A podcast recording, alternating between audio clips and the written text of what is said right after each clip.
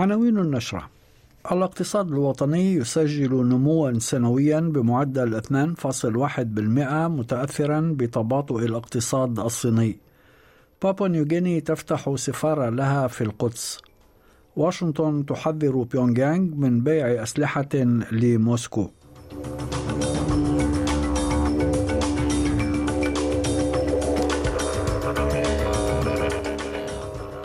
هاشم الحداد يحييكم وإليكم التفاصيل. أظهرت أرقام نشرها اليوم مكتب الأحصاء الأسترالي أن الاقتصاد الوطني نما بمعدل 0.4% خلال الأشهر الثلاثة المنتهية في حزيران يونيو الماضي. وعلى أساس سنوي سجل الاقتصاد نموا بمعدل 2.1% وهي نتيجة اعتبرت الأوساط المالية والاقتصادية أنها غير مفاجئة نظرا لمستوى التضخم المرتفع والارتفاعات المتعاقبة في أسعار الفائدة. ومتحدثا في البرلمان أضاف وزير الخزانة الفيدرالي جيم شالمرز إلى العوامل السلبية التي تؤدي إلى تباطؤ النمو عامل الصعوبات الاقتصادية التي تواجهها الصين حاليا. مشددا على أن الاقتصاد الأسترالي قادر على تجاوز هذه العقبات. This was a steady and a sturdy outcome in the face of immense pressure. This is the Australian economy holding up relatively well in the face of higher interest rates, high but moderating inflation, and global uncertainty, including the slowdown in China. Now, despite these headwinds, Mr. Speaker, Australia is well placed to navigate the many challenges ahead from a position of relative economic strength. تمكنت المعارضة الفيدرالية أمس من تمرير مذكرة في مجلس الشيوخ بأغلبية صوت واحد تدعو لتشكيل لجنة تحقيق برلمانية في أسباب وملابسات قرار الحكومة الفيدرالية المتعلق بعدم السماح لشركة الخطوط الجوية القطرية بتسيير رحلات إضافية إلى مطارات سيدني وبريسبن وملبون. واتهم عضو مجلس الشيوخ من الحزب الوطني مات كانيفان حزب العمال بالدفاع عن مصالح شركة كوانتس وحمايتها من المنافسة. معتبرا أن الحكومة اصطفت إلى جانب الشركات الكبيرة على حساب الأستراليين العاديين. Why is the Labor Party still running a protection racket for Qantas? Uh, I mean, people across the country have been screwed uh, by Qantas, but uh, the Labor Party seem to have a very cosy relationship with big business, with Qantas, and don't seem to be on the side of the Australian consumer right now. Uh, why didn't they vote for an inquiry? Uh, what have they got to hide here?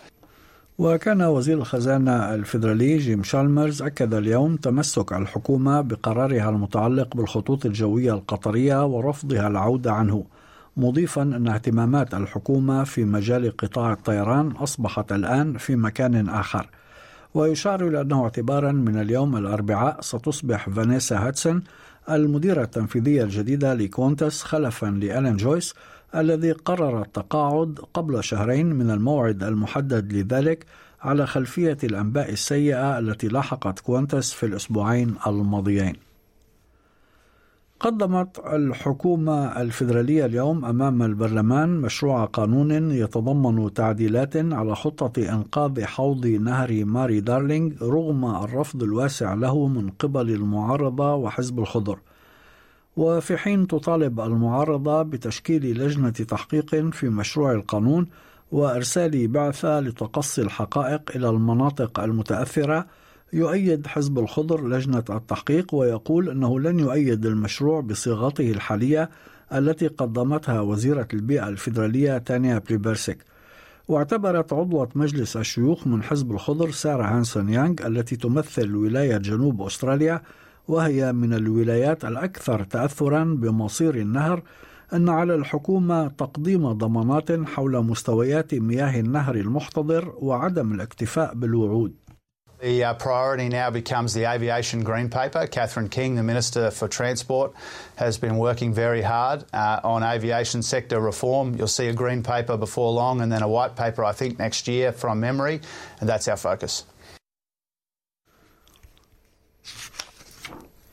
أطلقت وزارة الصحة وشؤون رعاية المسنين مسحا على شبكة الإنترنت بسبع عشرة لغة حول تجارب النساء مع النظام الصحي وقالت الوزيرة المساعدة للصحة وشؤون رعاية المسنين جاد كارني أن الحكومة الفيدرالية مصممة على وضع حد لانحياز النظام الصحي ضد النساء بطرق مختلفة مناشدة النساء المهاجرات واللاجئات خصوصا للمشاركة في المسح وتسليط الضوء على الصعوبات التي واجهناها لدى التعاطي مع الأطباء أو المستشفيات. افتتحت بابا نيوغيني أمس سفارتها لدى إسرائيل في القدس لتصبح الدولة الخامسة فقط التي لها سفارة في هذه المدينة التي احتلت إسرائيل قسمها الشرقي عام 1967 وضمتها إليها لاحقا في قرار لم يعترف به الجزء الأكبر من المجتمع الدولي. وتم افتتاح السفارة رسميا في حضور رئيس الوزراء الإسرائيلي بنيامين نتنياهو ونظيره في بابا نيوغيني جيمس مرابي الذي دعا نتنياهو للحضور وفتح سفارة في بلاده وأكد مرابي أنه بالنسبة لمن يسمون أنفسهم مسيحيين فإن الاحترام الذي يدينون به لله لن يكون كاملا إذا لم يتم الاعتراف بالقدس باعتبارها العاصمة العالمية لشعب وأمة إسرائيل على حد تعبيره. For us to call ourselves Christian, paying respect to God will not be complete without recognizing that Jerusalem is the universal capital of the people and nation of Israel. ويشار إلى أنه في حين تعتبر إسرائيل القدس بشطريها عاصمتها الموحدة والأبدية يتطلع الفلسطينيون لجعل القدس الشرقية عاصمة لدولتهم الموعودة حذر البيت الأبيض أمس كوريا الشمالية من بيع أي أسلحة لروسيا دعما لحربها في أوكرانيا وذلك في ضوء أنباء متداولة في وسائل إعلام أمريكية عن قمة محتملة بين الرئيس الروسي فلاديمير بوتين والزعيم الكوري الشمالي كيم جونغ أون.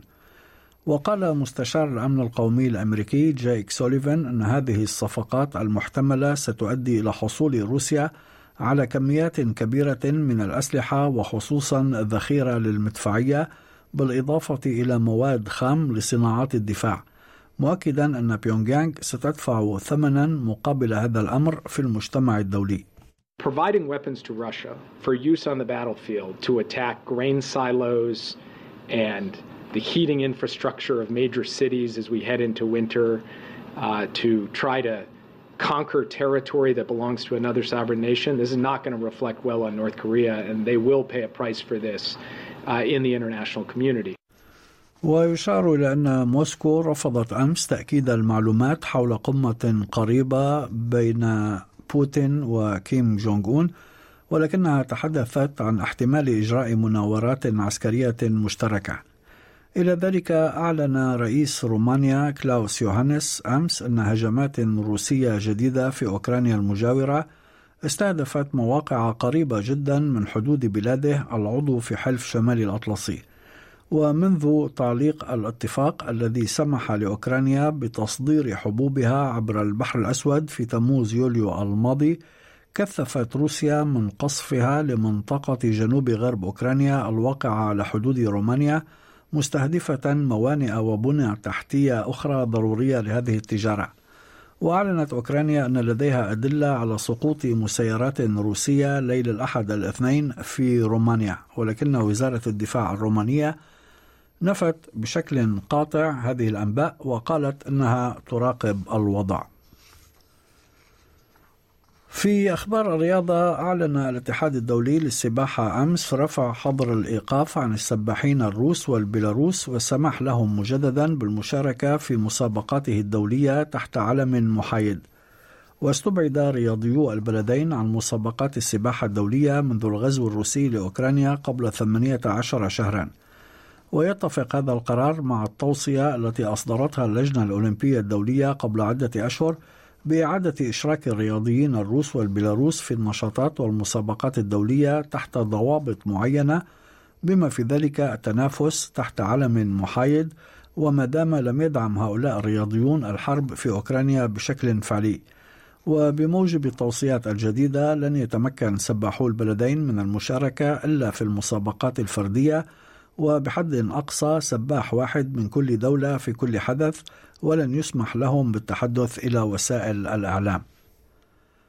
في أسعار العملات وصل سعر صرف الدولار الأسترالي في التداول اليوم إلى 63 سنتا أمريكيا. حالة الطقس المتوقعة غدا في أديلايد ممطر 15 درجة بريسبن غائم جزئيا 27 هوبارت أمطار متفرقة 20 داروين مشمس 33 بيرث مشمس 20 درجة ملبون ممطر مع رياح 20 سيدني مشمس 25 وأخيرا في العاصمة الفيدرالية كامبرا ممطر 23 درجة. كانت هذه نشرة الأخبار المفصلة. أعدها وقدمها لكم هاشم الحداد. شكرا لإصغائكم.